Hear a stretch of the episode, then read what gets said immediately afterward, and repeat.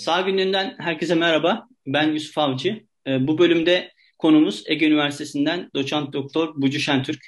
Ee, kendisiyle hem doktora tezine kaynaklık eden e, hem de bu çamuru beraber çiğnedik ismiyle kitaplaşan Ankara'da Ege Mahallesi'nde yaptığı gece kondu araştırması üzerine konuşacağız.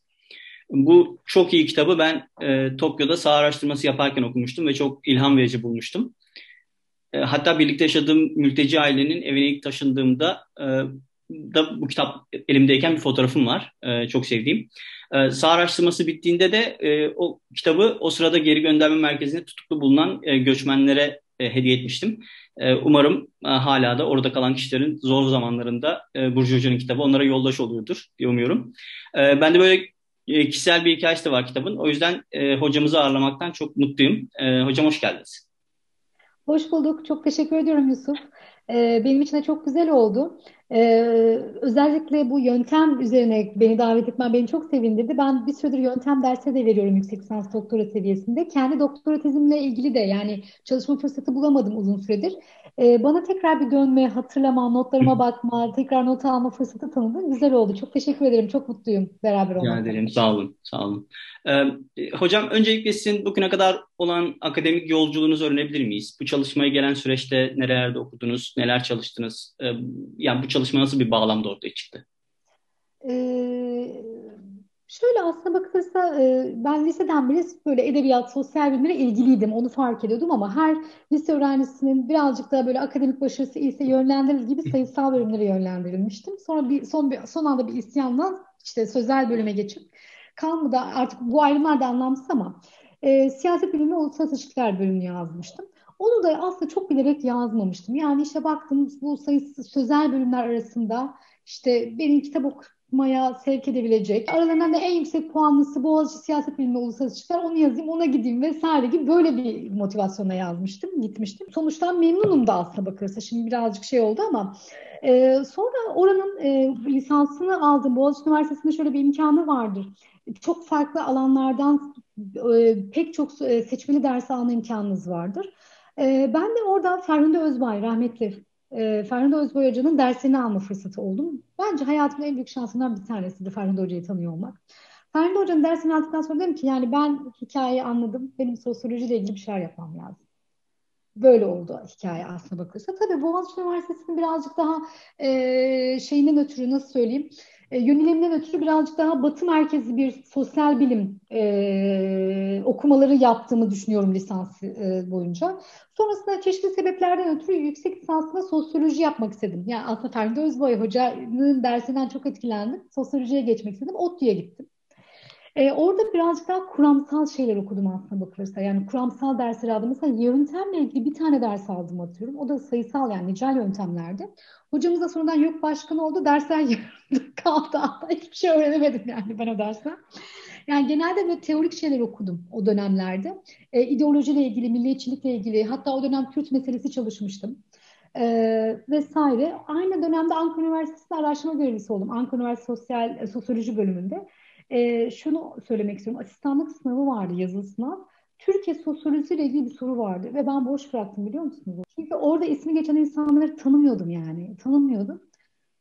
O anda fark ettim aldığım eğitimi. Yani o, Türkiye sosyolojisi, Türkiye'deki sosyolojinin gelişimiyle ilgili bir takım isimler vererek değil mi? İşte bir soru, evet. bir yorum sormuşlar. Boş benim için. Duymamışım. Dedim ki yani bu böyle olmaz. Birazcık bu, burayı tamamlamak lazım. Ee, biraz oradan e, okudum vesaire. Sonrasında e, senin de aldığın bursla Milliyetin Bakanlığı bursuyla University of York'a gittim. Tabii burs siyaset bilimi üzerineydi. E, ben sosyolojiye dönüştüremedim onu ama daha sosyoloji ağırlıklı çalışan bir hoca buldum. Şey e, Hale Avşar diye. Şimdi emekli oldu kendisi. Onun yanına gittim. E, o da genelde kimlik vesaire çalışıyordu. Bu dönemde e, doktorada ben yine bir kimlikle ilgili çalışmaya gittim gittim ama sonra şunu fark ettim. Ben döndüğüm zaman üniversitede işte öğretim üyesi olacağım vesaire bir bursa gitmiştim. Birazcık daha Türkiye tarihini anlayabileceğim, Türkiye'nin toplumsal yapısını anlayabileceğim bir konu bulayım kendime diye bir arayışa girdim. Ve doktorun 3. 4. ayında değiştirdim konumu. Ve dedim ki yani bu Türkiye'deki iç göç nasıl oldu, nasıl ortaya çıktı, iç göçe bir bakayım diye düşündüm. Çünkü üç, iç göç hikayesinin aslında Türkiye'nin yakın tarihindeki toplumsal değişime çok ışık tutacağını düşünüyorum. Yani ben hala Türkiye'yi benzer ülkelerden ayıran bir takım sosyolojik faktörlerden bahsediyorum. Yani finansal vesaire şeylerden bahsetmiyorum. Sosyolojik değişkenlerin o göç süreciyle çok yakın alakalı olduğunu düşünüyorum. Bir de şunu eklemekte fayda görüyorum. Edebiyat, iyi bir edebiyat okuruydum. Ee, bu yani son son 5-6 ayda çok okuyamıyorum ama özellikle doktoramı yaparken, yüksek lisansımı yaparken çok iyi e, okurdum, edebiyat okurdum. Vedat Türkay'dan çok etkilendim. Vedat Türkay'ın meseleleri anlatma, kavram yani kavrayış ve anlatma tarzı rahmetli. Çok sevdiğim bir yazardı. Kendisi tanışma fırsatı da buldum. Ee, onun mesela bir romanını okuduğunuz zaman Birinci Dünya Savaşı'nı da anlarsınız. Dünya Savaşı'nda Türkiye'yi de anlarsınız. Türkiye'deki konumlandırmaları da anlarsınız vesaire. Ee, birazcık da kendisine böyle nasıl söyleyeyim kötü kötü taklitlerini yazmaya çalıştım diyebilirim yazarken ederken vesaire. Çok hoşuma gitti. Yani bu sosyolojiye dair mef yani topluma dair mefhumları hikayeleştirerek anlatma hikayesinde meselesinde çok etkilenmiştim kendisinden. Bu kadar aşağı yukarı. Evet. Ee, Peki e, hocam aslında birazcık girdik. Kitaba temel olan, tezinize temel olan e, araştırmadan da biraz bahseder misiniz? Yani e, aslında özetle neye baktınız, nasıl baktınız ve ne ortaya çıktı? Dediğim gibi e, bu iç göç meselesiyle ilgilenmeye karar verdim. Yani iç göçün de böyle berraklaş nokta gece kondu. Değil mi? Gece kondu evet. profili aslında bakılırsa. Dedim ki ya ben bu gece konduya bir çalışayım. Ee, ama kafamda net bir sorunsal yoktu ama birkaç sorunsal vardı. Ağırlık basan nokta yoksulluktu yoksullukla ilgili bir şey yaparım herhalde falan diye düşünüyordum. Bunu düşünürken e, Ankara'ya gittim. E, birkaç gece kondu mahallesine bakayım vesaire diye. Tekrar muhtemelen döneriz bu konulara ama e, orada pilotlar dan sonra başka bir e, mahalle, Ege Mahallesi'ne karar kıldım. Orada çalışmaya başladım. E, veri toplamaya başladım değil mi? Yani aslında bakırsa saha çalışmasını evet. yürütmeye başladım. Orada sonuç itibariyle şunu buldum aslında bakırsa. Yani bir bu şu gibi bir tohum ekersiniz de o ağaç olur ya. Yani gece kondu mahallesi orada o insanlar yokken ne vardı? Süreçte ne oldu? Şimdi sonuç nedir? Bu dönüşümü anlatmaya çalıştım aslında bakılırsa. Evet aslında ben dün e, kitapla ilgili e, bir arkadaşımla konuşurken bir gece kondu mahallesinin doğumu, yaşamı ve ölümü gibi konuyu aslında kitap. E, peki e, araştırma sahası e, ve sorusu olarak Ankara ve özel olarak da Ege Mahallesi nereye oturdu? E, nasıl bir seçim sonucunda Ege Mahallesi'nde karar kıldınız? Yaptığım seçim ne kadar rasyonel bilmiyorum ama şöyle bir düşünce sürecinden geçti. Şimdi e, İstanbul'la ilgili çok fazla çalışma vardı zaten okuduğum, ettiğim vesaire. E, ikincisi ben Ankara'yı İstanbul'a göre daha iyi biliyordum. Bu benim için bir avantaj oldu. Yani daha rahat hareket edebilirdim. E, daha iyi biliyordum aslında bakılırsa. Üçüncüsü de daha çok bağlantım vardı. Bağlantı çok önemlidir sağ çalışmalarında siz de bilirsiniz. Yani evet. çok daha bağlantım vardı. Bir diğer mesele de bu Ankara'nın başkent olması. Başka bir şey ya. Ankara başkent bir sürü yasa orada çıkıyor ama gece kondu aslında o yasal ve yasal olmayan arasındaki dansı, danstır yani aslında bu kısa ve o da göbeğinde oluyor o hikayenin. Bütün bunlar benim için Ankara'yı hedef gösterdi aslında. Ankara'da bir bu çalışma yapabileceğimi e, doğurdu. Sahayı nasıl seçtiğimi sordunuz mu Nedim Ege Mahallesi'ni? Evet, evet, evet, evet. Ha, evet. Ee, birkaç bölge gezdim. Mesela Çinçin'e git, Çinçin'e gittim. Çinçin'e gittiğim zaman şunu fark ettim. Yani ki ben buraya da çalışmaya başlarsam yani suç sosyolojisinden çok dışarı çıkamayabilirim. Kriminolojiden çok dışarı çıkamayabilirim. Birkaç mahalle daha gezdim o şekilde. Ege Mahallesi'ni şu, şu yüzden aslında bakılırsa tercih ettim. Birincisi e, orada bir iki tane aslında baksa muhtarı vesairesinin arkadaşlarının arkadaşlarının arkadaşları olur böyle tavşan suyunun suyunun evet, suyu evet, evet. olduğunu fark ettim. İkincisi böyle birazcık tipik tırnak içinde tipik bir gece kondu mahallesi olması. Hem dönüşüm sürecinde evlerin bir kısmı dönüşmüş bir kısmı dönüşmemiş. Bu önemli bir şey dedim karşılaştırma yapabilmek anlamında. Farklı kimlikten insanlar da bir aradalardı. Yani Aleviler vardı, Sivaslılar vardı, Gümüşhaneliler vardı bütün bu özellikleri beraberine düşününce yani daha tipik hani böyle deriz ya tipik örneklem seçme evet, falan evet, evet. Onu uygun olabileceğini düşündüm. Bu sebeplerle Ege Mahallesi'ni seçtim aslında. Peki hocam bu e, seçim sürecinden sonra e, siz de çok iyi biliyorsunuz bir yere sahaya ilk temasta e, bir yanlış adım örneğin tüm erişimimizi kapatabilir ya da hasar gören güven ilişkileri e, tamir edilemeyebilir o ilk temastan sonra. O, onu nasıl planladınız? İlk e, nasıl adım attınız mahalleye? Yani bu bir kabustur. Sosyal bilimcinin kabuslarını şu an bir tanımladınız bana ve bu anlattığınız şey e, saha boyunca üstümdeydi yani bir şey olacak ve işte her şey hiçbir şey yolunda gitmeyecek gibi. E, aslında bakırsa biraz da şans bağlı. Yani tamam bir takım ilkelere dikkat ediyoruz, bir takım etik ilkelere dikkat ediyoruz ama bunlara dikkat ettiğimiz zaman bile bu söylediğiniz şey gayet mümkün. E, Valla ben şöyle bir şey yaptım. Biraz şanslıydım galiba e, sosyal bilimci bir arkadaşıma benden yolca daha önde olan bir arkadaşıma beraber muhtarlığa gittik. Gittim. E, derdimi açıkladım. Tabii muhtar nasıl insan onu da bilmiyorum. Şansıma o da şöyle biriymiş. Yani işte böyle mahallenin sonuyla ilgilenen, gazetelere demeç veren vesaire falan filan. Bu işlerle birazcık hemhal olmuş. E, benden önce de mahalleye e, araç, başka araştırmacılar da gitmiş. İsimlerini yanlış söyleme, söylemeyeyim şimdi ama bir tanesi Şebnem Hoca'ydı. Galiba yoksullukla ilgili yapmış. E, bir de Aynur Özurlu. Bambaşka meselelere bakmak için gitmişler evet. onlar. E, mahallenin de kuzey tarafına gitmişler. Benim bulunduğum yere gitmemişler. Benim hatırladığım kadarıyla. Bunlar da bir aşina yani muhtar böyle şeylere aşina olduğu için e, gayet normal geldi. Tamam dedi. Ben de orada dedim ya bana bir ev de lazım aslında. Ben burada ev tutmak istiyorum falan. falan. Ayarlarız dedi. Bak dedi şu ev boş. Ev sahibini aradı. Bunlar biraz şanssız. Yani bu tamamen evet. şans. Başka evet. yani şunu yaptım da oldu diyebileceğim, kendime mal edebileceğim hiçbir şey yok burada. Ee, ev sahibinin işte ev sahibini aradı. Şu kadar lira bu kadar lira olur mu olmaz mı? Tamam dedi. İşte oğlu da oradaymış ev sahibinin. Geldi çocuk bana anahtarı verdi. Hatta para da almadılar. Dediler ki gelince ödersiniz sıkıntı yok. Ve ben ev, yani ilk gidişimde mahalleyi evde tutmuş oldum. Şimdi gibi düşüneyim bunu. Çünkü ilkinde böyle bir saha yoklama gibiydi gittiğimde. Evet. Karar verdikten sonra ilk gidişim o gibiydim. Bundan önce ama sanırım bir de bir pilot araştırmanız var ve o oldukça önemli oluyor. Yani mesela mahalleyi seçmenizde falan e, çok evet. faydalı oluyor. Ben e, okurken onu düşünmüştüm. Yani pilot araştırmanın bu gibi çalışmalar için ne kadar aslında önemli olduğunu da gösteriyor. Yani bir anda seçmekten ziyade belli bir süre önce e, nereler olduğunu bir yoklamanın önemi. Ondan, ondan biraz bahseder misin? Nasıl bir katkısı oldu sizce? Tabii. Çok önemli. Tabii bütün bunların hepsi bir maliyet, zaman vesaire yani bunlar ideali böyle pilot yap, yapmak her türlü çalışmada ama ben yapabilme fırsatı bulan şanslı olumluluk arasında yer alıyordum. Ee, Altındağ'daki mahallelere gitmiştim. Ege Mahallesi'nin birkaç daha uzaktaki çevrelerine vesaire gitmiştim. Mesela şunu fark ettim işte kafamda yoksulluk vardı. Bir iki görüşmeler de yaptım orada. Ee, bir seri görüşmeler de yaptım.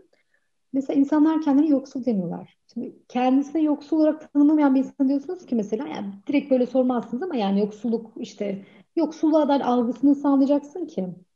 Ya belki bunun anlama yöntemleri vardır, evet, müsaittir evet. vesairedir falan elbette ki yani kimse kendini öyle adlandırmak zorunda değil ama ben hiç öyle düşünmemiştim. Evet kafanızda bir kategori var. Evet. Onlar yoksullar işte bize gideceğiz falan. Yok ben orta haldeyim. Çünkü orada bir göç hikayesi daha e, karşılaşmalara bakmalarını vesaire sağlıyor. Ee, dahası şeyi fark ettim yani çok esnek olmak gerekiyor. Yani aşırı bir esneklik gerekiyor. Hmm, bir sürü duruma aniden cevap verebilmek gerekiyor. İşte mesela Altındağ'daki mahalledeki e, muhtarların da ofisine gittiğim zaman işte insan içeri insanlar geliyor. Onlara belki bazen tanıtmanız gerekiyor. Kendinizi tanıtmamanız gerekiyor. Evlere girmeniz gerekiyor. Bu bir güvenlik meselesi aynı zamanda.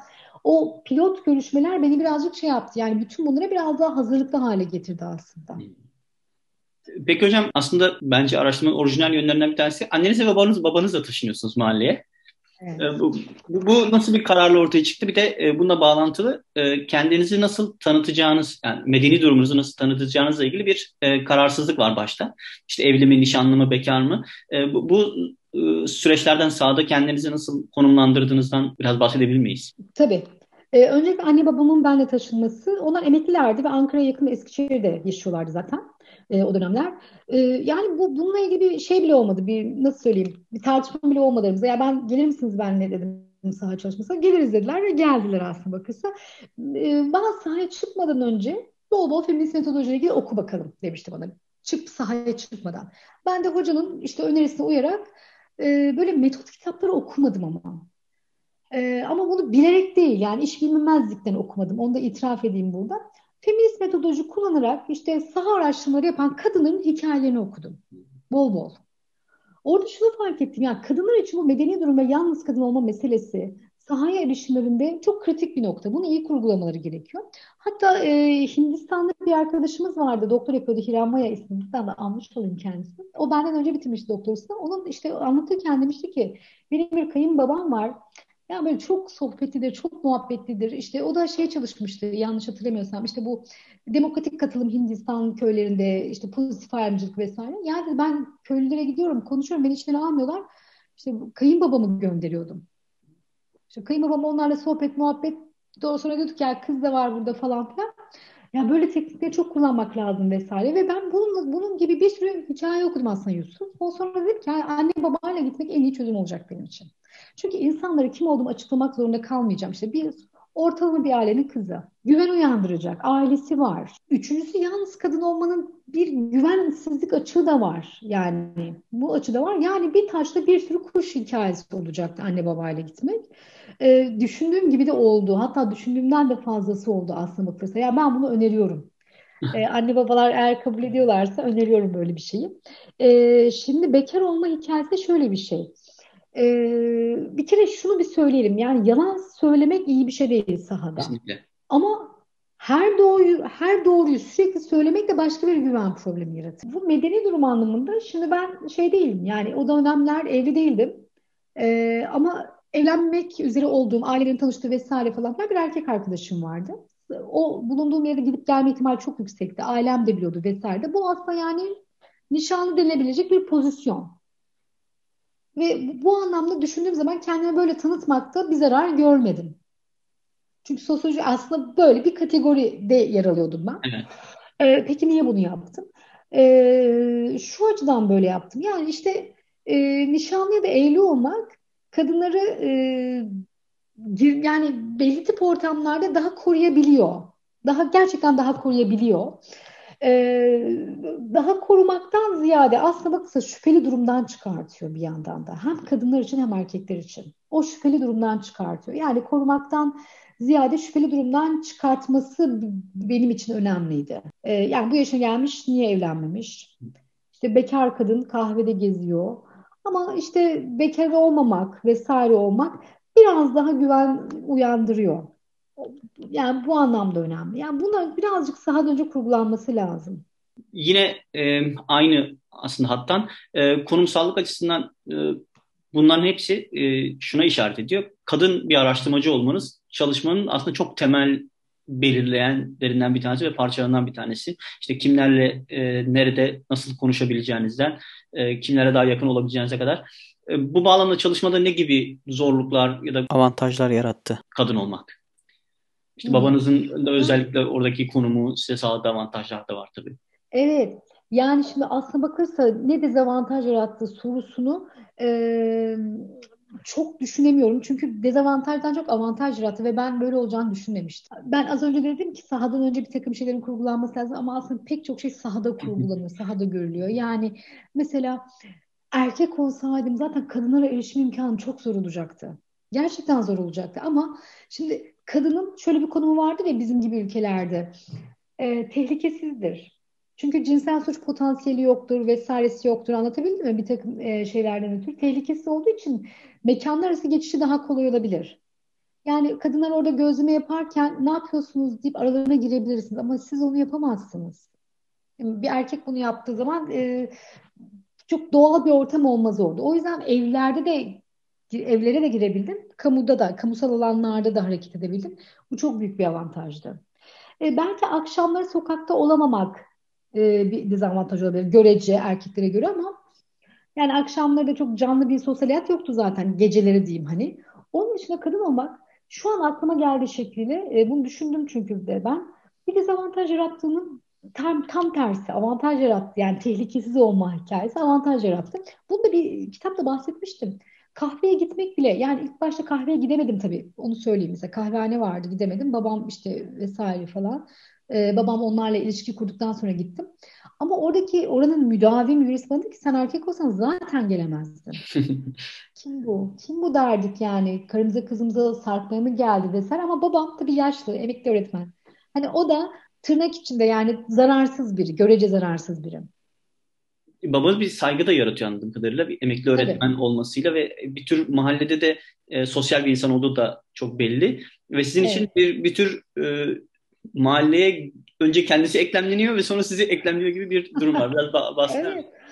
Yani mahalle eklemlemekten ziyade bir takım böyle şey erkeksi alanlar mı diyeyim, erkeklerin girmesinin daha kolay olduğu alanlara önce girip sonra beni sokma. Kahvehane bunlardan bir tanesi. İşte bakkalın olması. Bak, bakkal öyle değil ama bakkalınla işte böyle bir babam Karadenizli benim. İşte bakkalın da Karadenizli olması büyük bir şey. Esnafı dolaşırdı babam yani. Mesela yolun üstündeki esnafları dolaşırdı acaba işime yarar bir şey çıkar mı oradan vesaire ve bana gelir anlatırdı işte şu dedi ki e, şöyleymiş böyleymiş bu dedi ki böyleymiş böyleymiş hatta babam e, kitapta da resimleri var Ardiye var bir tane böyle inşaat malzemeleri satıyor benim onu görmemiştim bile babam onu öyle gündüz gezerdi şeyler o dükkanın sahibiyle de sohbet etmiş. Sonra geldi bana ki Burcu bak o dükkan 25 senedir buradaymış ya da 30 senedir buradaymış hatırlamıyorum. Bayağı eski hatırlıyor. İstersen git de onlarla da gör. Yani anlatabildim mi? Bayağı böyle şey yardımcı oldu yani o anlamda. Tabii benim ne aradığımı bilmiyorlar.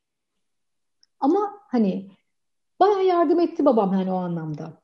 Yardımı oldu. Ben okurken aslında şunu düşünmüştüm. Acaba e, onlara da e, siz de ne, ne, neler gördüğünüzü e, yazsanız e, de, dese miydiniz? Yani onlar da kendileri bir tür e, sağ notlar alsalardı neler çıkardı diye e, aklımdan geçti aslında. Bir de e, yine bakkal dediniz aslında onunla bağlantılı şöyle bir durum var hocam. E, sağ araştırma sırasında hani bize kapıları açan böyle anahtar katılımcı dediğimiz gatekeeper dediğimiz insanlar var. Ama e, bizi topluluğa sunmak anlamında çok faydaları olabiliyor. Ama e, bir tür kısıtlayıcı olma ihtimalleri de var. E, bizim katılımımızı belli topluluk içindeki belli gruplara e, sınırlama gibi. Sizin de böyle bir deneyiminiz var mahallede. Biraz bundan bahseder misiniz? Nasıl oldu? Tabii. Öncelikle şeyden şey küçük bir yorum yapmak istiyorum. Annem bir yazı yazdı bu arada. Feminist politikanın hangi sayısını bilmiyorum. Bir yazı yazdı bununla ilgili. Babam öyle çok yazı yazmayı çok seven biri değil. Keşke söyleseydim ama. Keşke söyleseydim. Ee, şimdi bu gatekeeper meselesi Türkçe'de nasıl çevireceğiz? Kapıcı mı diyeceğiz? Kapıyı anahtar, mı? Atılım, anahtar, anahtar kişi. Atılımcı. Ama anahtar kişinin başka bir anlamda oluyor. Neyse önemli değil. Gatekeeper diyebiliriz aslında. Çok önemli bir sorunsal değil. Ben şunu fark ettim. Mesela diyelim ki e, bakkal beyden rica ediyorum. Diyorum ki ben insanlarla görüşmek istiyorum falan. Diyor ki mesela bana ya sen onunla görüşme şimdi onlar serseridir. Kötü niyeti yok. Beni korumaya çalışıyor. Anlatabildim mi? Bu, bu, bunu şöyle düşünmek lazım birazcık. Yani biz bir aşure yapıyoruz. Yani çok fazla nohut olması iyi bir fikir değil. Çok fazla fasulye olması iyi bir fikir değil. Biraz dengeli olması lazım. Hele ki bir hikaye anlatıyorsanız orada. O yüzden ben şunu yapmaya çalıştım. Şimdi bak ilk durağım işte şeydi mesela muhtarlıkta oraya gelenlerle. Sonra bakkalık keşfettim. Sonra mahallede bir tane pazar kuruluyor ara ara küçük tezgah. Orada takılmaya başladım bir süre. E, görüştüğüm insanlara işte komşularıyla görüşebilip görüşemeyeceğimi, tanış tanışamayacaklarını sordum. Mümkün mertebe tek bir gatekeeper kullanmamaya çalıştım aslında bakılırsa. Yani o birazcık o bayağı bir problem. Ama benim şansım vardı. Çalışma sahasının doğası gereği o mahallenin olması vesaire tek bir gatekeeper'a zaten bağlı değilim ama öyle çalışmalar vardır ki o gatekeeper'ın göstercekleri dışındakine ulaşamazsınız. Benimki değil yani daha esnek metotlara uygun bir sahaydı aslında. Peki hocam e, aslında biraz işinde bahsettiniz. Ortalama bir gününüz nasıl geçiyordu? Bir haftanız nasıl geçiyordu? Yani kaçta e, çok basit ama kaçta kalkıyordunuz? İlk nereye gidiyordunuz? E, biraz bu gündelik e, orada bir rutininizden bahseder misiniz? Elbette. Saat olarak hatırlamıyorum ama geç kalkmıyordum. Geç kalkmıyorumdur muhtemelen. Yani tabii sabah 7'de dışarı çıkıp insanlarla görüşmek vesaire çok mümkün olmadığı için sabah saatlerini genelde transkripsiyon vesaire yaparak geçiriyordum e, muhtem yani gün boyunca da dışarılarda bir yerdeydim aslında bakılırsa. Hatta espri vardı ben kahveye çıkıyorum deyip hani böyle vardır ya hani insan işte evin yetişkini oldu böyle kahveye gider her gün. Öyle espri vardır bize falan. E, genelde her gün sokakta işte ne bileyim bir gün e, muhtarlıktayım bir gün oradayım. Yani gününü, günümün çoğunluğunu sahada geçirmeye çalışıyordum. Akşam da bazen akşam da görüşme olabiliyordu. Mesela insanlar işte, işte işten gelecektir akşam görüşebilirim diyordu. Ya da akşam misafirimiz olabiliyordu vesaire. E, ama e, büyük çoğunluk akşam yapmıyordum görüşme. E, akşamları e, şey yapıyordum not not almam bunları da soracaksın muhtemelen ama not alma. Gün, o gün ne oldu vesaire. Ne gördün, ne yaptın? Yapılandırılmamış not dediğimiz yani hani olduğu gibi, aklıma geldi gibi yorumlarla beraber yazıyordum ve mümkün mertebe şunu yapmaya çalışıyordum. Yani hangisini ben gözlemledim, hangisini ben öyle yorumluyorumu farkını koyarak yazmaya çalışmıştım. Akşamları genelde not yazmakla geçiyordu aslında. Evet. Aslında, uyumadan ya, e, yazmaya çalışıyordum. Hı-hı. Aynı e, hani devam edeceğimiz e, hat belki dediğiniz gibi. E, notlarınızı nasıl aldınız? E, insanlarla konuşurken bir an bir taraftan aldınız mı? Ya da bu dikkat çeker diye e, aklınızda mı tutuyordunuz? Ve e, bir taraftan da akşamları e, istikrarlı bir şekilde notlarınızı yazabildiniz mi? E, transkripsiyonları yaptınız mı? Bu notlarınızı alma sürecinizden biraz bahseder misiniz? Tabii. Ee, şimdi bir kere eğer görüşme sırasında not almaktan bahsediyorsak e, ses kaydına izin vermeyen bir iki kişi vardı. Onlar için yaptım. Oturdum yani not almak zorunda kaldım. Ama bir iki kişiydi ya da bir kişi tam hatırlamıyorum. Tekrar bakmam lazım. E, onun için ses kaydı aldım. E, ama günlük not yani günlük anlamdaki saha notlarını düzenli almaya çalıştım ama bazen gerçekten çok bu her gün spor yapmak gibi bir şey yani çok zorlan zorluyor insanı çünkü yani e, sürekli kafan yani sürekli zihniniz meşgul zaten yani sürekli zihniniz meşgul. Ama şundan ben çok emindim. Yani şimdi görüşmeler var ben not almazsam bazı şeyler kaybolacak. Gerçekten kaybolacak. O yüzden e, yani bayağı zorlaya zorlaya yazdım kendim. E, ve doktora tezim benim öyle görüşmelerden falan bir yani notlardan çıktı. Zaten notlarım yani benim doktor tezimin başlıkları, temel argümanları gerçekten notlardan çıktı. Yani bunu nasıl inandırabilirim bilmiyorum Notlar çok önemli. Ee, bir de insanı şeye yani şeye zorluyor. Yani e, hani değişkenler arasında meseleler arasında bağlantı kurduruyor not tutmak aslında bakılırsa. Ee, saha bittikten sonra hangi görüşmeye nereden bakacağınızı vesaire gösteriyor. E, bir de şunu söylüyorum. Bazı arkadaşlarım şey yapıyorlardı benim biliyorum. Ses kayıt cihazına kendi sesini not alarak e, mesela not almıyorlar. Bu benim için çok e, benim çok yapabileceğim bir şey değil. Bu e, herkes kendinin kafasının en iyi nasıl çalıştığını bilir. Evet. Ben yazarak bir şeyleri daha iyi yapıyorum. Yani sesimle konuşarak değil de konuşsaydım herhalde iki cümleden fazla e, kuramazdım. Ama yazarak e, şey yaptım. E, yapabildim. Ama dediğim gibi yani bunu bayağı zorlayarak yaptım kendimi aslında söylediğiniz e, çok zor ve yorucu bir şey. E, buna bağlantı bir de bu saha yapmanın bence duygusal tarafından çok bahsetmiyoruz. Örneğin başarısız mıyım? Oluyor mu? E, yoksa ben burada e, günlerimi geçiriyorum hiçbir şey ortaya çıkmıyor mu? Aynı zamanda insanlarla ilişkileri kurarken e, acaba yapabiliyor muyum? E, çünkü bir taraftan bir yerlerden okuyorsunuz hep e, metot kitaplarından işte araştırma şöyle yapılır e, ve çok şematik şeyler var. Ama e, kendi yaptığınızı onunla ilişkilendiremiyorsunuz bazen. E, bu, bu duygusal tarafı nasıl oldu? Siz e, neler hissediyordunuz? Bu dediğin şey var acaba oldu mu? Yani doktor tezi bitti. Ben işte ünvan aldım. Hala bu soruyu sordum. Oldu mu acaba vesaire gibi. Bundan hiç kurtulamadım. Hele sahada. Gerçekten yani bir de böyle yani insanlar e, yöntemlerini vesaire e, yazarken yani herkes bunu bir şey olarak söylemiyorum, eleştiri olarak söylemiyorum. Yani şeyde sosyal bilimler böyledir. Yani gelenek olarak böyledir. Herkes öyle bir anlatıyor ki her şey yolunda gitmiş. İşte onu toplamış, bunu yapmış. Zaten soruları varmış kafasında vesaire. Diyorum ki benimki böyle olmuyor. İşte insanlar gidip işte görüşme yapıyorlar falan. Diyorlar ya işte 40 dakika sürdü vesaire. Ya ben görüşme yapıyorum içeri komşu geliyor ne yapacağım anlatabilirim. Yani bir türlü tutmuyor vesaire. E, bu söylediğin şey Yusuf yani ilk günden son güne kadar sürekli yakamdaydı, sürekli peşindeydi. Sürekli diyordum ki yani işte acaba olmuyor mu? Acaba bir şey bulamayacak mıyım? Acaba yani bu sürekli vardı. Ama şimdi düşünün şunu hatırlıyorum. Ben bir yerden sonra artık ne bulacağıma odaklanmıyordum artık. Sürekli gözlem yap, görüşme yap, otur yaz. Bir de şunları çok yapıyordum. Yani bu belki veri analiziyle ilgili konuşacağız ama sürekli haritalar çiziyordum böyle kavram haritaları. Evet. Onlar biraz faydalı oldu. Ee, ama bu dediğin o şüphe yani üstündeydi ve bu korkunç bir stres faktörü. Bir de şöyle bir şey yok. Sorabileceğiniz biri yok. Yani mesela bir insan gidip şunu benim saham nasıl geçiyor sence diye soramıyorsunuz. Anlatabildim evet. mi hani? Hani bunda soramıyorsunuz. Bir dış referans yok sürekli gitti ve bu, yani şu mesela bununla nasıl baş ettim? Bununla baş edemedim. Bunu yaşadım yani baş edemedim bununla ve sürekli bir de işte annem babam da benimle beraber onlar da sosyal yani hiç haberleri yok ne yaptığıma dair. Onlar da annem sürekli diyordu ki yani bunlardan bir şey çıkacak mı Burcu sen böyle hani milletle çay içiyorsun bisküvi yiyorsun falan filan iyi güzel. Gerçekten bir şey çık bir şeyler çıkıyor mu bunlardan?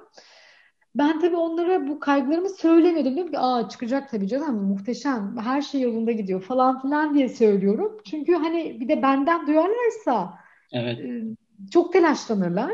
Ama bu dediğin şey sanırım herkese geçerli. Ama bu sosyal bilimler geleneklerinde şeylerin hoşuma gitmeye başladı artık. Artık o hani e, şeyler de başarısızlık, başarısızlıklar demek istemiyorum. Aksaklıklar da yazılıyor artık. Yani bence bu e, post podcast'in istediğim tarafı e, bu bir taraftan. Çünkü hani bu, bun, bunlar çok konuşulmuyor ve her şeye dediğiniz gibi yetkin, her şey yolunda gitmiş. E, tüm aşamaları e, gül oynaya geçmiş. E, araştırmacı e, imajından e, bunun gerçekliği yok ama e, bir taraftan kendimize koyduğumuz bir tür hedef gibi ya da bizim e, kendimize dair imajımızı belirliyor ve çok e, yanlış aslında.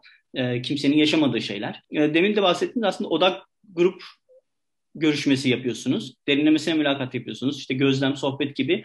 Bunların hepsini e, aslında ne kadar birbirine karıştığından bahsediyorsunuz bir yerde kitapta. Yani işte e, derinlemesine görüşme yaparken e, içeri birisi giriyor ve odak görüşme oluyor. İşte ya da görüşmeci çıkıyor.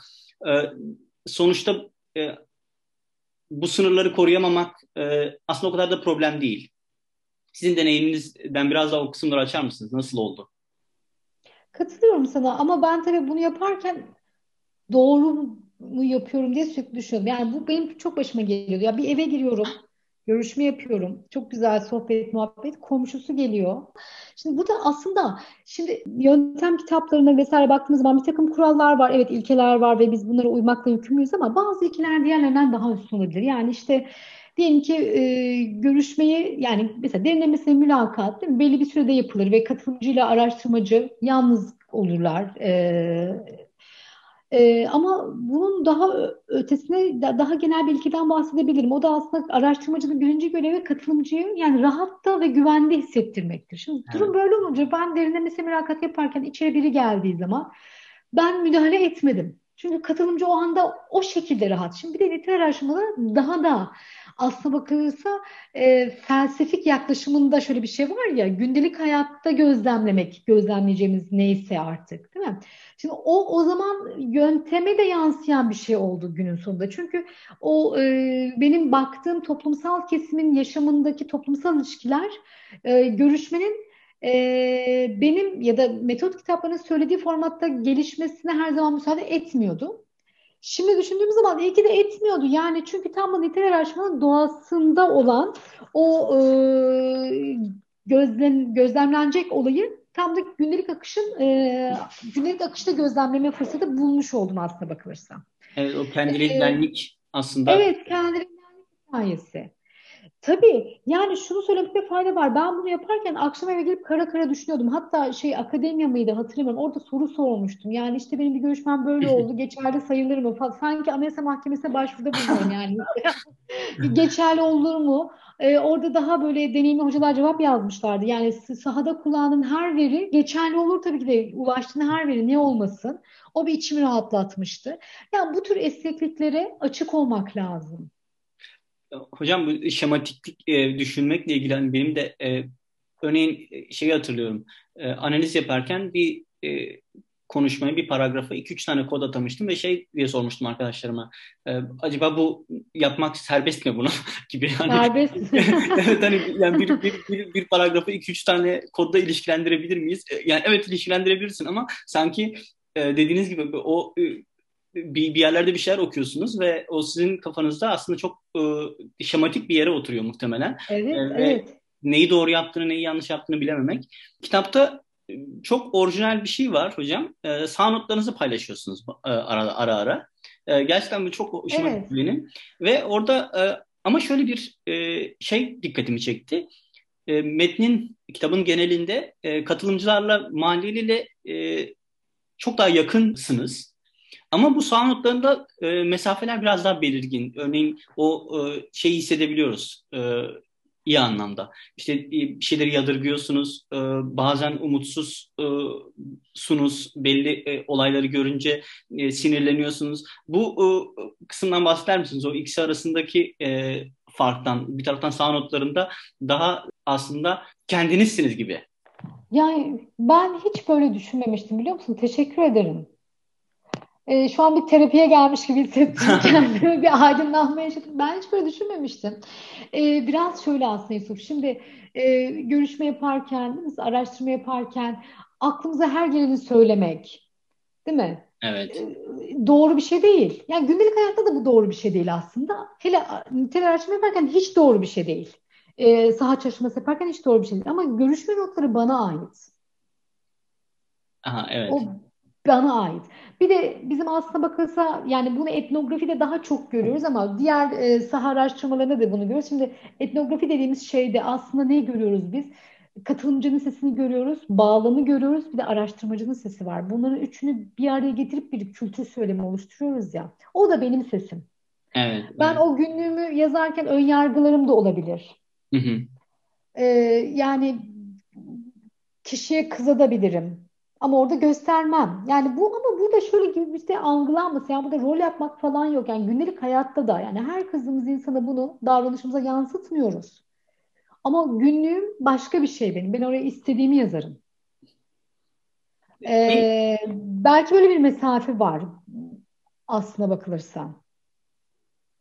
Evet. E, en gelen anlamda hocam bu bahiste e, sağ çalışmasının sizi özellikle zorlayan e, şeyler var mıydı? Bunlardan biraz bahseder misiniz? Yani aklınıza gelen e, en, en çok e, şimdi düşündüğünüzde sizi e, zorlandığınızı hissettiğiniz kısmı neydi? Evet. Süreci. Neydi biliyor musun? Transkripsiyonları yapmak. yani şu yüzden ama hani sebebini söyleyeyim. Ee, şimdi transkripsiyonları yetiştirme zorluğum vardı. Çünkü şunu hocam da demişti bana yani onları yapacaksın sonra insanlara söyleyeceksin vesaire hani vereceksin o transkripsiyonları vesaire falan filan. E, diyelim ki bir insana söz verdim senin transkript yani herkese diyordum ki sizin e, bu görüşmemizi yazılı hale getirip getirdiğim zaman okumak ister misiniz? Okumak isterim diyenlere e, hemen yetiştirip vermeye çalışıyordum. Ve bu yani biliyorsun o transkripsiyon çok zaman alan bir şey. E, onu yapmak çok zorladı beni. Şimdi işin bu zaman boyutu öyle söyleyeyim. Emek ve zaman boyutu ama e, başka bir şey de yine sahaya girişle alakalı. Şimdi tamam daha düzgün an, yani daha düz bir süreçmiş gibi anlattım. İşler yolunda gitti muhtarla, bakkalla, mahalleliyle vesaire ama mesela şöyle şeyler oldu. Bunu anlattım mı kitapta hatırlamıyorum. İnşallah anlatmışımdır. Anlatmadıysam da bir eksiklik. Ee, bir gün bir kapıyı ben hani her gün dışarı çıkıyordum ve insanları bulmaya çalışıyordum vesaire falan filan. Bir gün dışarı çıktım. Ee, bir tane ev, evin bahçesinde bir e, hanımefendi ağaçlarla ilgileniyordu. Ee, o kapısını çaldım. Dedim ki işte ben böyle böyle biriyim. Size görüşme yapmak ister istiyorum falan. Ve baya böyle hani e, hiç gülümsemeden beni reddetti. Ee, ve eve gelip gün boyu hiçbir şey yapmayıp böyle uzanıp uyuduğumu hatırlıyorum. Ben mutsuz olduğum zaman çok yaptığım bir şeydir. Hani olay olmamış gibi davranıyorum. Ee, kendime de çok kızdım. Sonra dedim ki insanlara böyle ulaşmamalıyım. Yani bir de gelip kapımı çalsa, böyle böyle dese, hele ki e, Ege Mahallesi gibi hani mahalleli olmayanların çok sık kuramadığı bir yerde böyle dese ben de hayır derdim. Demek ki insanlara asla böyle ulaşma, böyle ulaşmamam lazım. E, benim için zorlayan şey şu oldu. İnsanlarla sohbet kurduktan sonra görüşebilir miyiz teklifinde bulunmak. Evet. Zor oldu bu benim için. Hmm, zorladı. Öyle söyleyeyim. Biraz e, analiz kısmından da e, bahsetmek istiyorum. Hocam mesela Olur. 80 görüşme yaptınız galiba 80 civarında ve ayrıca sağ notlarınız var. Evet, evet. Yani eminim devasa bir e, veri ortaya çıktı. E, baş etmeniz gereken, analiz etmeniz gereken. E, bu analiz süreci sahadayken başladınız mı e, ya da nasıl oldu? E, evet. E, aslında başladım. Şöyle başladım. Görüşmenin başında birazcık söyledim ya aslında. Ben sürekli öyle bir e, koca koca kağıtlara haritalar çiziyordum. Şimdi onların dijital şeyleri çıkıyor, uygulamaları çıkıyor, Mindmap vesaire diyor. Onları kullanamıyorum ama hala böyle koca koca takvim yapraklarının arkalarına haritalar çizerdim. Kavram haritaları. Ee, bu, bu haritalar sonradan benim analizlerime döndü. O harita meselesini sahadayken yapıyordum. Her gün. Yani mesela atıyorum böyle haritalarım haritalarım var. E, diyelim ki birisi bir şey dedi. O işte diyelim ki böyle iç içe halkalar, dış dışa halkalar çiziyorum. İşte bir tanesi kimlik var, bir tanesi zengin olmak var, bir tanesi yerellik var. Oradan oklarla birleştiriyorum. İşte her kavram için e, kim katılımcı ne dedi kısayı yazıyorum vesaire. Sonra bütün görüşmeler bittikten sonra e, MaxQDA diye bir nitel veri analizi programına koydum, e, yükledim bütün görüşmeleri. Ama analizlerimi buradan yapmadım. Sadece sadece kodlamalarımı yaptım. Sadece kodlamalarımı yaptım. Buradan analiz yapmadım. Onun sebebi de şöyle bir şeydi. Bu MaxQDA yani nitel veri programları aslında söyleyeyim. E, veriyi kodlamada, sınıflamada çok iyiler. E, ama ben zaten o haritalarla vesaireyle temaları ortaya çıkarttığım için sadece e, hangi tema için hangi alıntılara tekrar başvurmam gerektiği konusunda bana kolaylık olsun. Bir, ikincisi de görüşmeleri tekrar okuyayım diye böyle bir şey yaptım. Metin genel olarak e, gerçekten aslında galiba arkasında da var. E, roman lezzetiyle okunacak bir araştırma diye gerçekten roman gibi okunuyor. E, ben çok başarılı. Yani birçok etnografın e, yazmak isteyeceği bir metin bu anlamda. E, yazarken üslup ve stil anlamında nelere dikkat ettiniz? Neyi hedeflediniz? Nasıl olduğunu olmasını hayal ettiniz metnin? Ve nasıl e, nelere dikkat ettiniz en genel olarak? Çok teşekkür ederim. Bu çok hoşuma gitti bu söylediğin şey. Kimin hoşuna gitmez ki zaten bu söylediklerin. Teşekkür ediyorum. Şimdi bu tabii benim doktora tezime dayalı ama doktora tezim böyle bir metin değil. Aslına bakılırsa ben genel olarak yazarken dolaylı anlatımlar kuran, böyle süslü anlatımlar kurarak yazan biriydim. Doktorun başında da öyleydim. Hocam çok şey yapardı. Ya tez böyle yazılmaz. Daha net cümleler kurman lazım ve bir kalıplı olması lazım. İyi ki de öyle bir şey yapmış yani. Yoksa doktor tezi bitmez o şekilde. Doktor tezim birazcık daha aslına bakılırsa e, formal bir metin ama buna rağmen doktor e, jürimde yer alan kendisine almış olan William Hale diye çok iyi bir Türkiye uzmanı vardır. Belki sen de biliyorsundur. O vardı benim doktor jürimde. O da benzer bir yorum yapmıştı. Demişti ki yani çok akıcı olmuş. Hani elimden bırakamadan okudum. Bunu mutlaka kitaplaştır demişti bana. Ee, benim şöyle bir şansım oldu. Yani bunu Türkçe kitaplaştırmak yani daha önce yazdığımız bir metni başka bir okuyucuya yeniden yazmak güzel bir şans bence. O doktora tezimi yazdım ama bu, bu çamuru beraber çiğnedik. Aynı materyale dayanan bambaşka tarzda bir metin bana kalırsa. Ben çünkü bunu çevirmedim. Yani kita, İngilizce kitap da vardı. E, Modern Urban Poverty Modern Turkey diye I.B. Towers'tan basıldı. Bakarsanız görürsünüz birbirlerinin çevirileri değiller. İki ayrı okuyucu grubu için yazıldı. E, ve Türkçe yazmaktan çok keyif aldım. Hani evet İngilizce yazıyoruz, çiziyoruz bir takım akademik gerekliliklerden ötürü ama insanın kendi ana dilini daha kıvrak kullanıyor. E, burada şöyle şeyler yapmaya çalıştım. Birazcık başlıkları mesela e, kurgularken e, daha akademik ve böyle akademik kokan, kavram kokan başlıklardan uzak durmaya çalıştım kolay okunmasını sağlamaya çalıştım. Yani şöyle e, tabii ki de ister istemez bir takım değil mi yani literatürden eski çalışmalardan faydalanıyoruz ama onları daha böyle bir e, harmanlayarak anlatmaya çalıştım. Mesela doktor tezinde de yok, bu kitapta da yok. Bir kuram kısmı yok aslında bakılırsa. Yani ben bunu çok önemsiyorum. Kendi şimdi bulunduğumuz e, pozisyonlarla çok böyle yazdıramıyoruz ama yani kuram ve bulgular kısmını iççe yazmanın çok önemli olduğunu düşünüyorum ben. Evet e, ayrı bir Kur'an bölümü yazıp ayrı bir bulgular bölümü yazıp genelde böyle yazdırıyoruz tabii ki de aslına bakılırsa ama e, bunu yapmamaya çalıştım. Doktor hocam da destekliyordu. Doktorda da böyle yapmadım. Bu kitapta da böyle bir şey yok yani. Bir Kur'an üzerine bir saha çalışması ve bulgular göremiyorsunuz. iç içe.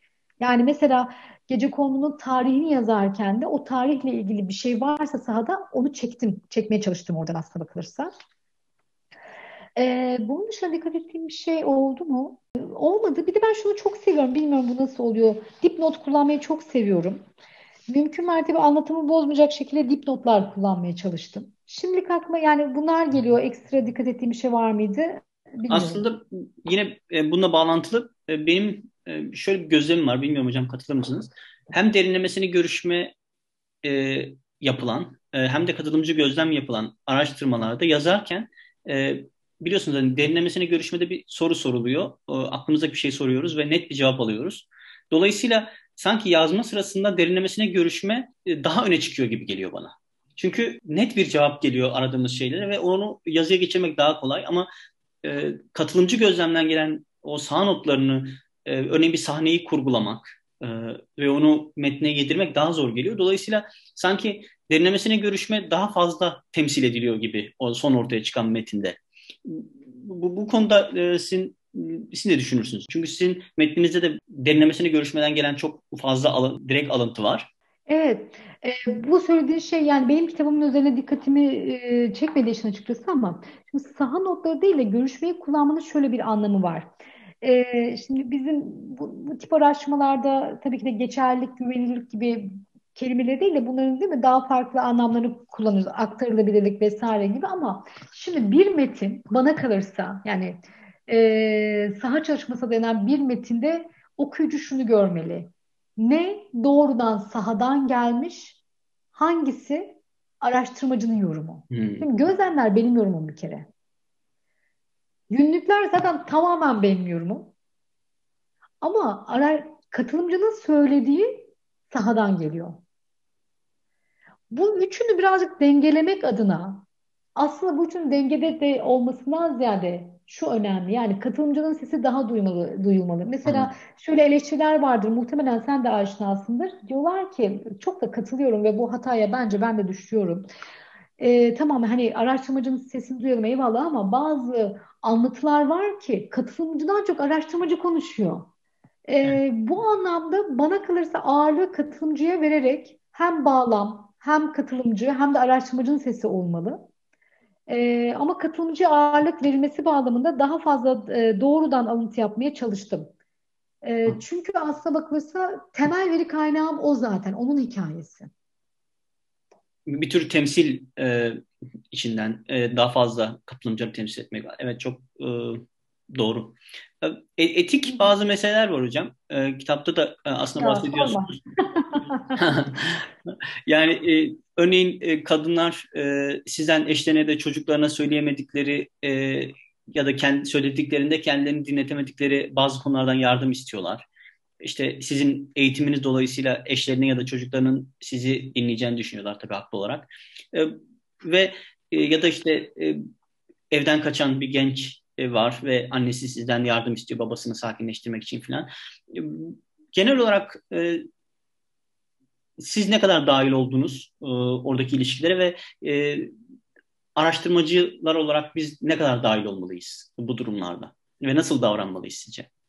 Evet. Şimdi e, ben onlar izin verdikleri kadar dahil ol, olmaya çalıştım diyeyim aslına bakılırsa. E, araştırmacılar ne kadar dahil olmalı?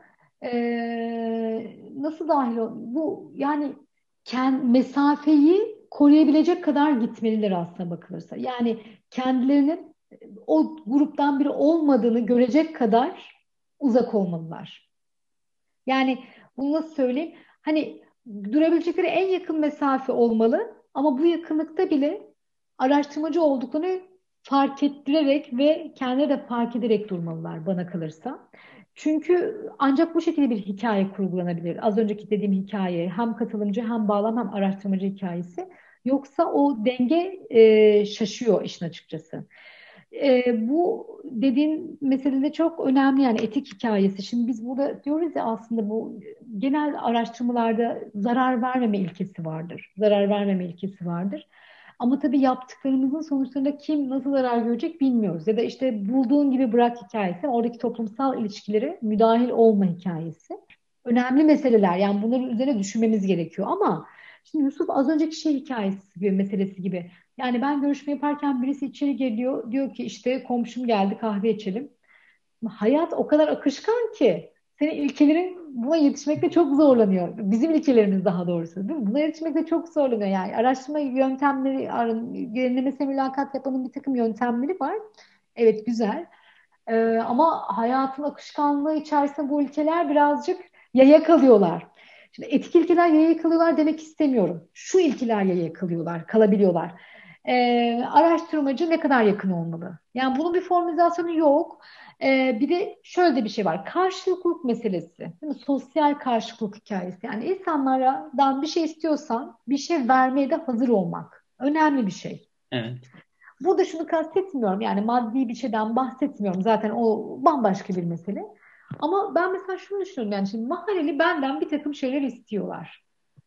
Anlatamıyor muyum? Bunu da çok nezaketlice istiyorlar. İşte çocuğumuza bilmem ne yapar mısın vesaire falan filan. Yani şimdi ben de ondan bir şey istiyorum. O da karşında benden bir şey istiyor. Şimdi bu bana kalırsa çok tuhaf bir şey değil. Bu şunun gibi yani insanların evine giderken değil mi? Mesela görüşmeye giderken e, küçük bir tatlı götürebilirsiniz vesaire. Bundan daha farklı bir şey gibi gelmedi aslına bakılırsa. Bir de burada esnek olma hikayesi var. Mesela sorunun aciliyeti. Az önce verdiğim örnek. Şimdi bir hanımefendinin çocuğu okuldan kaçıyor, evden kaçıyor ve bir akademik başarıda olan e, bir çocuk bu. E, akşamın bir vakti kapıya gelmiş. Diyor ki arar mısın? Evet benim o anda aklıma hatı kendi kıya, üzerindeki kıyafetler bile aklımda o an bana geldiği zaman e, bu kişi. Yani aklıma direkt şey geldi ya ben araştırmacı olarak bunu yaparsam ya hani sonrasında ilişkiler daha kötüye giderse bu soru gerçekten aklıma geldi ama çok kısa zamanda mesela değil mi cevap vermem lazım. Hı hı. Dedim ki hani her ne olsun çok acil durumda olan ilk kapısını çalan insan ben olmuşum. İlk kapısını çaldıysam ben olmuşum. Yapacak bir şey yok. Bu anlamda söylüyorum. Yani hayat o kadar dinamik ki bazen ilkelerimiz yetişemiyor. Evet. Bunun gibi başka örnekler oldu mu hocam? Yani sizi Aa, ikilemde bırakan ne, ne, e, belki daha somut e, konuşabileceğimiz. Ya olmadı sanırım. Şimdi düşünüyorum da. Aslında şu var. Yani mesela işte e, bir katılımcım demişti ki eşim seninle görüşmemi istemiyor. Ona sakın söyleme. İşte hmm. Eşi sorduğu halde bile ben yok görüşmedi benimle demişti. Doğru mu yaptım yanlış mı yaptım bilmiyorum. evet. Ama ben biliyorum ki eğer doğrusunu söyleseydim bir şiddet vakası yaşanacaktı. Hmm. Sanırım yazdığınız e, e, etnografik hikayeler derlemedeki makalenizde var hocam. Orada en sonda e, mahalle yıkılıyor. Evet. E, ve siz orada işte bu haberi galiba İngiltere'deyken alıyorsunuz ve şöyle bir şey yazdınız benim çok dikkatimi çekti. E, yıkılan benim evim değildi diyor. Diye aslında çok e, sağ araştırması yapan herkes için çok somut bir e, gerçeği ifade ediyorsunuz. Ya, hani etnograflar olarak böyle sahada geçirdiğimiz uzun zaman diliminde içine girdiğimiz toplulukla bütünleştiğimizi, onlardan biri olduğumuzu hissetmeyi, en azından bunu düşünmeyi seviyoruz. Ama sizin çok çarpıcı şekilde ifade ettiğiniz gibi aslında yıkılan bizim evimiz olmuyor. Evet. E, ve hani burada bir mesafe var ve belki kapanması da mümkün olmayan bir mesafe. Siz ne düşünürsünüz? Ne düşünüyorsunuz bu konuda? Yani bunu çok farkında olmak lazım biliyor musun? Yani e, işte az önce sorduğun soruya çok bağdaşık bu arada bana kalırsa. Hani ne kadar yakınlıkta durmak hikayesi. E, bu kendini bilme meselesinden bahsedeceğim. Yani kendinin farkında olmak çok önemli. Çok çok önemli. Yani şunu hatırlıyorum. O haberi evet İngiltere'deyken almıştım. E, çok duygusallaşmıştım vesaire falan filan ama demiştim ki hani e, yıkılan benim evim değil. Şimdi burada şöyle de bir şey var. Birazcık kendimi suçlu hissetme durumu da vardı ne yalan söyleyeyim. Yani e, gidiyorum bir hikaye topluyorum. Sonra oradan geliyorum. O hikayeyle bir şey yazıyorum. E, o hikayenin bir parçası da olmuyorum. Belki bu hikaye hala benim hikayem mi? Ama anlatıcı benim. Yani bugün şu an ben konuşuyorum bununla ilgili. Birazcık e, bunları düşünmüştüm. Şimdi tabii e, bu fazlasıyla yakın olma meselesi romantize etmeyi de getiriyor. Özellikle dezavantajlı gruplarla ilgili, yoksullarla ilgili, gece konduyla ilgili fazlasıyla romantize ediliş var. İşte muhalif kanattan var, akademinin bir kısmında var vesaire. E, bunlardan uzak durmaya çalıştım, çalışmaya çalıştım öyle söyleyeyim.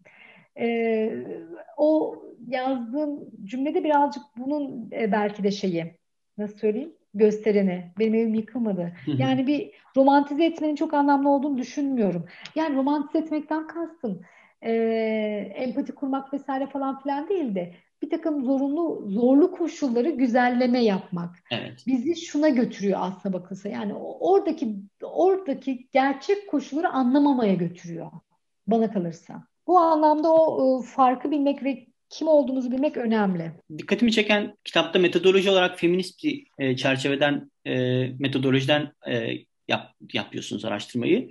Evet. Ve şöyle düşündüm. E, acaba feminist metodolojinin e, metnin metindeki yeri nedir? Örneğin feminist bir metodolojiyle yapılmasaydı ne farklı olurdu bu araştırmada diye aklıma geldi. E, siz ne düşünürsünüz acaba? Evet, bu soru bana jürimde de sorulmuştu. Ee, çok güzel bir soru. Teşekkür ediyorum ama zor bir soru. Ne değiştirdi? Şimdi feminist metodolojiyi bu eleştirel yaklaşımlar çerçevesinde ele alalım. Ee, ele alalım ele alıyorum aslında bakılırsa. Yani eleştirel yaklaşımlardan kastım bu güç ilişkilerini sorgulama ve yani sorunsal haline getirme. Ee, ama şimdi feminist olmasaydım, e, feminist metodoloji kullanmasaydım ama eleştirel bakış açısının içerisinde kalsaydım aslına bakılırsa e, toplumsal cinsiyet dinamikleri daha az görünür olurdu. Şimdi burada ne kadar ben bunu yazabildim, açıklayabildim bilmiyorum ama yani toplumsal cinsiyet e, klasik bir değişken, bağımsız değişken olmanın ötesinde bana kalırsa çok kurucu bir unsur. Gerçekten çok kurucu bir unsur. E, ve temel varsayımımızlardan bir tanesi de bu zaten aslında bakırsa. Bu toplumsal cinsiyet eksenindeki eşitsizliklerin e, dünyayı anlamadaki temel kurucu unsurlardan, temel eksenlerden biri olması. Şimdi bunu kabul etmediğim, kabul etmemek demeyeyim. Bunu temel eksen görmediğim zaman kitaptaki e, toplumsal cinsiyetle ilgili vurgular vesaireler, analizlerin daha az yer aldığını düşünürdüm. Da, daha az olduğunu düşünürdüm. Daha az olduğunu düşünebilirdik aslında bakılırsa. Ama eleştirel e, yine ele, eleştirellerin içinde kalsaydık e, toplumsal cinsiyetle ilgili e, o dinamikler dışında bir de şu farklı olabilirdi. E, şimdi burada e, kadınlar yani feminist metodolojinin şurası önemliydi bana kalırsa araştırmacı ve katılımcı ilişkisini sorgulaması çok sorgulaması ve özellikle kadın araştırmacı ya da erkek araştırmacının kadın araştırmacılarla görüşmesi ya da tam tersi olduğu durumlarda bir takım e, güç ilişkilerinin analizlerinden bahseder ve önerilerde bulunur. Bunlara daha az dikkat etmem, daha az dikkat etmemi sağlardı sanki. Feminist e, yöntem kullanmamış olsaydım. Evet. Kabaca. E, güç ilişkilerinden e, aslında daha bahsedelim istiyorum hocam. E, işte Olur. temas ettiniz. Örneğin genel olarak literatüre baktığımızda şöyle bir şey görüyoruz gibi geliyor bana. Araştırmacı ve katılımcı arasındaki güç ilişkisinde e, araştırmacının aslında güçlü olduğu, işte belki epistemik şiddet uyguladığı e, ve dolayısıyla bizim araştırmacı olarak konumumuza dikkat etmemiz gerektiği ve bizim e, daha avantajlı olduğumuz belki ama birçok araştırmada e, sanki tam tersi oluyor ve sizin araştırmanızda da siz de bundan e, şikayet ediyorsunuz. Örneğin e, kahvedeki pozisyon üzerinden. Biraz bunlardan bahseder misiniz? Siz nasıl deneyimlediniz bu güç ilişkilerini? Tabii yani bana kalırsa her araştırmada güç araştırmacı ve katılımcı arasında e, yeniden yeniden dağıtılıyor. Yani tek güçlü bir taraf, tek güçsüz bir taraf yok. Şimdi bir kere şu anlamda araştırmacı güçsüz ilk, ilk başında. Yani katılımcı konuşmazsa konuşmaz. Anlatmazsa anlatmaz. Bitti hikaye. Değil mi? Yani hikaye onda. Ama araştırmacı olarak az önce size bahsettiniz değil mi? Yani o bilgi sahibi olmak vesaireden kaynaklı bir güç var. Ee, ama bir de şöyle bir gücümüz var. Yani soruları ben soruyorum, kavramları ben oluşturdum ve senin hikayeni ben yazacağım. Sen hikayeni anlattıktan sonra artık yoksun. Ben kurgulayacağım. Yani burada da böyle bir güç var bana kalırsa. Evet. Ya bunu katılımcılar hissetmeyebilir ama güven anlamında hissedebilirler ve güvendikleri kadar açarlar zaten.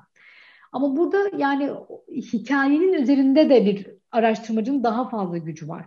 Tabii bir de şunu söylemek lazım. Ben kitapta da bunu anlattım. Siz de ona referans verdiniz zaten. E, toplumdaki diğer e, avantajlı ve dezavantajlı durumlarımızı belirleyen değil mi? İşte kadın olmak, erkek olmak, eğitimli olmak, kentli olmak gibi şeyler de araştırmacı katılımcı arasındaki gücü tekrar bir karıyor. Yani işte ne bileyim kadınlarla zaten bahsetmiştim. E, e, kadınlar mesela görüşme yapmak istediğim zaman diyorlardı ki bana çoğunu ya biz bilir miyiz ki onları hani senin soracağın soruları. Bu az önce sizin bahsettiğiniz bilgiye dayalı bir güç gücüm olduğunu söylüyorlar aslında bakılırsa. Evet. Ee, burada tabii kadınlarla cinsiyet anlamda eşit olduğum için benim eğitimli, kentli vesaire olmam üste çıkartıyor. Ama erkeklerle başka bir mesele var. Ee, erkeklerle zaten eşit olmak mümkün olmuyordu neredeyse. Öyle söyleyeyim size Yusuf. Yani hani e, şu söz vardır ya sen üniversite okuduysan biz de hayat okulu mezunuyuz. Bunu evet. çok duydum erkeklerden. Hani öyle kurguluyorlar ki sanki biz üniversite okurken hayat yaşamadık. Hani e, ama bu şu demek aslında. Yani senin eğitim olman bir şey değiştirmiyor gözümde. Hı hı o hiyerarşide sizi dibe çekmeye çalışıyor erkekler aslında bakılırsa. Şunu söylemek istiyorum. Araştırmacı katılımcı arasındaki ilişki sadece araştırmadan kaynaklanan bir güç dağılımı değil. Yani hikayene, hikayeye kimin sahip olduğundan kaynaklanan güç dağılımı var. Bir de bu toplumsal pozisyonlardan gelen var. Şimdi feminist araştırmacı olarak burada mümkün mertebe eşitlemeye çalışıyoruz. Şimdi kadınlarla eşitlemeye çalışıyoruz. Tabii bu birazcık e, imkansız bir tahayyül yani nerede eşit olacak olacağız ama en azından hikaye oluşturma aşamasında engelleyebildiğimiz kadar değil mi? Yani o hiyerarşileri görünmez kılmak önemli. Erkeklerle peki kim kimi aşağı çekecek? Yani ne yalan söyleyeyim çoğu zaman ben aşağı çekmek zorunda kaldım karşıdakini. Çünkü o şimdi moda terminoloji mansplaining hikayesi var değil mi? İşte yani bir grup erkek sürekli bana akıl veriyorlardı. Hı hı. Ee, en son hocam kendi deneyimiz üzerinden e, sağ araştırması yapacak arkadaşlar için e, kısa bir tavsiye verseniz ne olurdu bu? Ne tavsiye ederdim? Ee, bir kere saha çalışması yapmak hayat gibi yani hayat, trafik gibi diyeyim ya da en azından yani her an her şey olabilir. Buna hazırlıklı olmak önemli. E, nitel araştırma, saha çalışmasının bir takım ilkeleri var ama bazı ilkeler diğerlerinden daha büyük. Bana kalırsa yani katılımcıyı rahat hissettirmek vesaire gibi ilkelere uyduktan sonra işte araştırma e, sağ işte görüşme süresi uzun sürmesi, kısa sürmesi, bölünmesi, birkaç gün yayılması vesaire gibi şeyler birazcık daha detay kalabilir. Ee, diğer bir mesele bana ben çok önemsiyorum bu meseleyi not almak. Yani not almak. Yani bu gerçekten de çok çok önemli. Nasıl not almaktan hoşlanıyorlarsa. Ee, bir de şimdi şöyle yani bunu yani saha çalışmasını biraz soruşturma gibi düşünebiliriz. Yani ortada bir vaka var diyelim ki bir hırsızlık oldu değil mi? Farklı insanlardan hikayenin farklı görünen yüzüne dinlersiniz. İşte soruşturuyorsunuz o vakayı vesaire. Biraz böyle bakmakta fayda var aslında bakılsa. Hani bunu yaptıktan sonra fark edebilirim ama işte mahallede işte atıyorum bakkal gibi işte esnafla görüşmek başka bir o aşureye başka bir şey verdi bir perspektif verdi. İşte şehir plancısı mahalleyle ilgilenen planlamacıyla görüşmek başka bir şey verdi vesaire. Birazcık böyle e, bir hikaye kurgular gibi, bir soruşturma yönetir gibi karakterleri kurgulamak iyi bir fikir bana kalırsa. Bir de hikaye okumayı öneriyorum ben Yusuf. Yani hikaye okumaktan kastım şu. Yani yöntem kitaplarından ziyade ilgilendiğiniz konu neyse, göçle ilgili mi çalışıyoruz, işte adalet mi çalışıyoruz vesaire neyse o o yani o alanda yazılmış e, makalelerin yöntemlerini okumak vesaire bence çok önemli. E, daha fikir açıyor aslında bakılırsa. Şimdilik bunlar ama en önemlisi hangisi dersen esnek olmak çok önemli bana kalırsa. Evet. En son hocam kapatmadan önce e, bu aralar ne üzerine çalışıyorsunuz? Bundan sonraki çalışmanız neler olacak? E... Hı hı. Yani akademinin doğası gereği e, birbirine benzemeyen pek çok çalışmanın içerisindeyim desem yeridir. Ama bugünlerde birazcık şöyle şeylere bakıyorum. Nitel araştırmanın e, yanı sıra yani biraz yöntem üzerine de çalışıyorum ama nitel araştırmanın yanı sıra daha büyük verilerle neler incelenebilir ile ilgili birkaç çalışmamız var böyle enerjiyle ilgili. Bir, öyle bir e, e, çalışmanın içerisindeyim ama bir şeyler okuduğum ve yazmaya çalıştığım bir konu var. Benim için görece yeni bir konu anlam duygusu. İşte insanların çalışma hayatındaki anlam duyguları vesaire gibi. Ee, özellikle sivil toplum bağlamında e, bunu götürmeyi düşünüyorum. Çünkü öyle bir çalışmamız da oldu. Birazcık anlam duygusuyla ilgili bugünlerde okuyorum, yazıyorum diyeyim. Ee, hocam çok teşekkürler. Katıldığınız için gerçekten çok güzel bir sohbet oldu. Ee, çok ben teşekkür olun. ederim. Benim için de çok güzeldi. Teşekkür ediyorum. Ben teşekkür ederim.